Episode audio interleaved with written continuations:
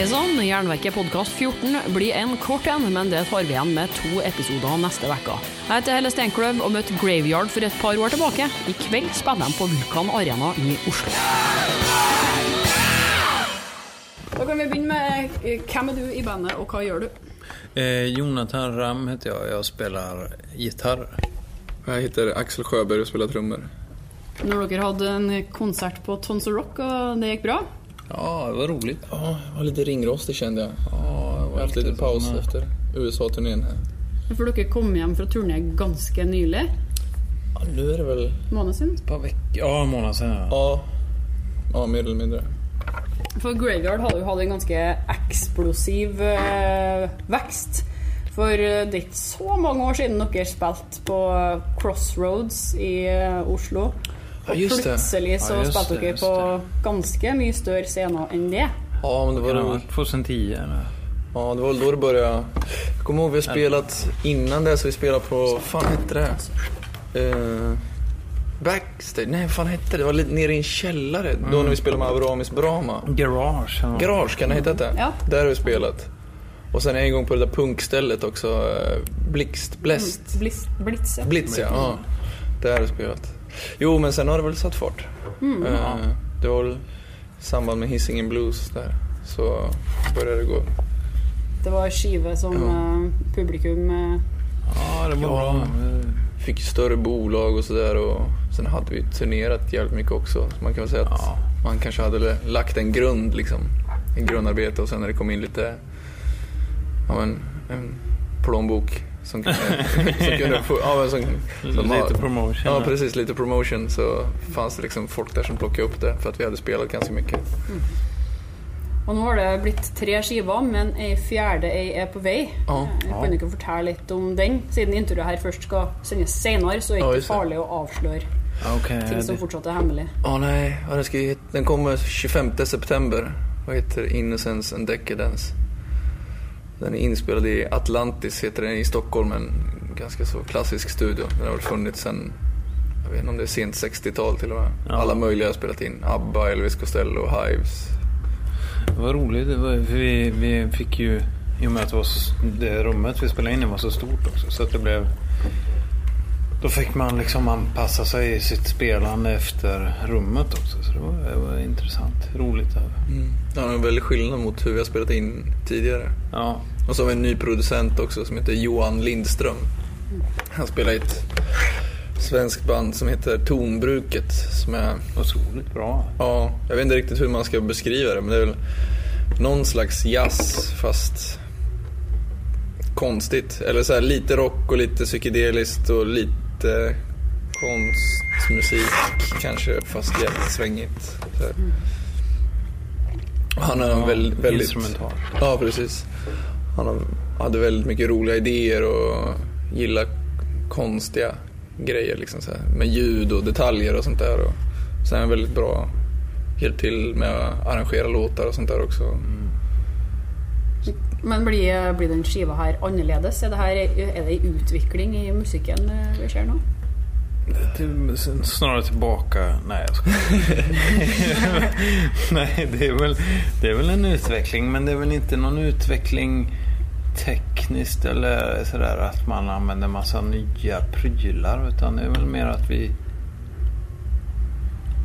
egentligen gör på samma sätt men var tvungna att, anpassa oss själva mer. Och att, att det gick fort, kanske fortare per tagning men ändå inte, inte att vi...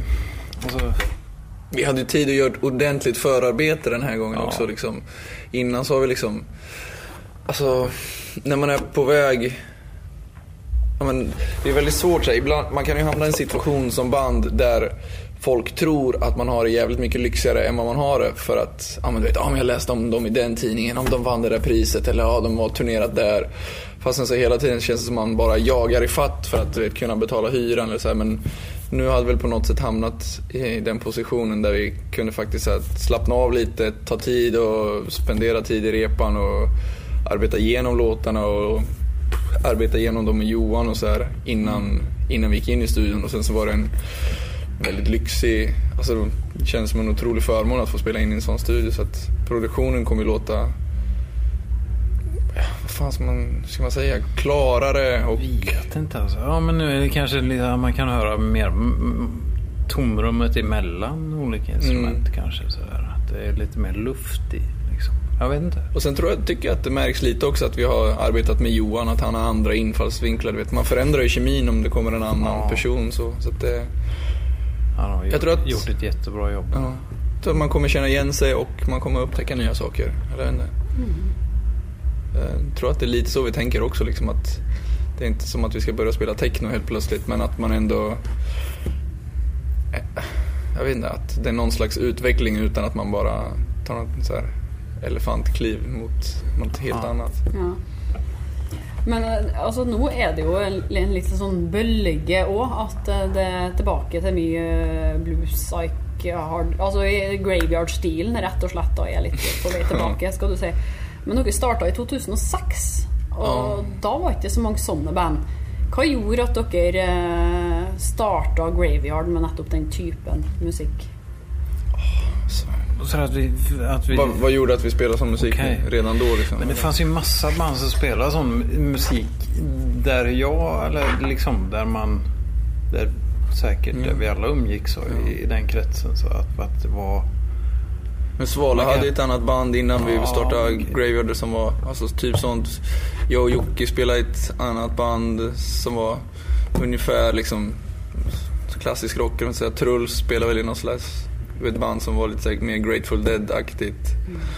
Så att jag tror att, jag vet inte, så här, med scener så ligger det säkert du vet, och så puttrar och kokar länge och sen så när det, när det är någon som liksom lyckas ta sig upp över ytan så blir det, eller så här, fan ska man säga som en komet med en svans eller att det blir en, en våg eller så här. Det är bara att kolla på, fan, när Kaius slog igenom så bara bah, var det så stoner rock överallt. När Refused släppte sin sista så bara öste det ut så här hardcoreband. När Hellacopters kom så bara vart det tusen actionrock, eller Turbo Negro. Så tusen actionrockband. Så att det är väl, jag vet inte, det är väl som, du vet vad heter det, så här när fåglar flyger. Att det, Ja, alla har funnits där men så kanske det är någon som får ta på sig ledartröjan utan att säga att vi är någon slags ledare inom något så. Men Lucifer också är bra. Og det var jo ganske tidlig. Ja. Ja, jo, men eh, det er noe i det dere sier der, det er jo mer eh, i undergrunnen, og så når det massene Mm. på et vis. Men dere har jo vært på turné nå med Mastodon og Clutch. Mm. Og det er jo ganske spesiell sammensetning, eh, Ja. egentlig. Ja, det är väldigt konstig, konstig sammansättning. Kost- Egentligen. Men det, är, alltså, det, är- det var ändå roligt för att det var så pass ja, det verkade gå hem liksom. på något sätt. Ja, det verkar som att det funkar jättebra. Jag vet, vi har ju turnerat med Clutch innan, tidigt. Fan var det 2008 eller något sånt där. Och jag vet att Mastodon och Clutch har turnerat tillsammans tidigt i Mastodons karriär också. Clutch verkar vara ganska bra på att så här, plocka band tidigt så att de håller, att de vill ha så här. De vill ha en utmaning liksom för att de har funnits ganska länge så de bara, ja men det där verkar som att de är på G så här, då plockar de med dem för att det inte går på scenen varje kväll. Och sen nu är det liksom, det var en co-headline så att de turade sig om och slutade så här och spelade lika länge. Men det är väldigt olika musikstilar. Eller? Men det gick bra ihop. Det var jävligt roligt för att de, de var ju väldigt hyggliga och så. Snälla Mm. allihop. Han var ju med och gästade på en låt några gånger också, Brent eh, från Mastodon på Suits the Law in the Uniforms. Några, några gånger nu på turnén. Han är jävligt rolig. Jag tror att det finns, man kan se på YouTube också.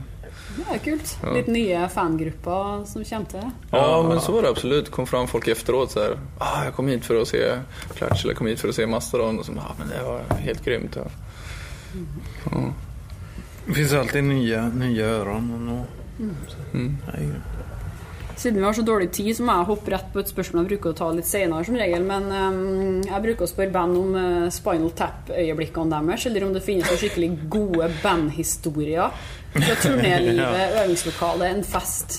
Ja, det Har du noen litt sånn flaue, dumme eller bra historier å fortelle? Ja, men det är lite av en vardag tror jag för oss att vi går, går vilse och sånt. Att vi Man är ju bort sig hittar lite hela tiden. Ja. Ja. Jag gjorde någon nu, vad fan var det? På, på, Ah, det är inte så jävla, det var väl roligt i stunden men det är inte så roligt när man berättar om det var något så här. När jag skulle gå fram till mikrofonen när konserten var klar och så här, du vet, ja, man vinkar åt någon som jättegärna ville ha en trumpinne. Så, bara, ah, så här pekar jag på den och så skulle jag kasta den och så kastade den rätt upp i, i lyktorna istället ner i huvudet på en vakt. Men det, Det är sånt som är roligt just då. Så där. Men har dere hatt noen opplevelser der, der dere gjennom musikken har møtt noen Dere ser veldig opp til sjøl? Altså noen sånn, nesten sånn fanboy-opplevelser? Eller at fansen har hatt noe sånt med dere?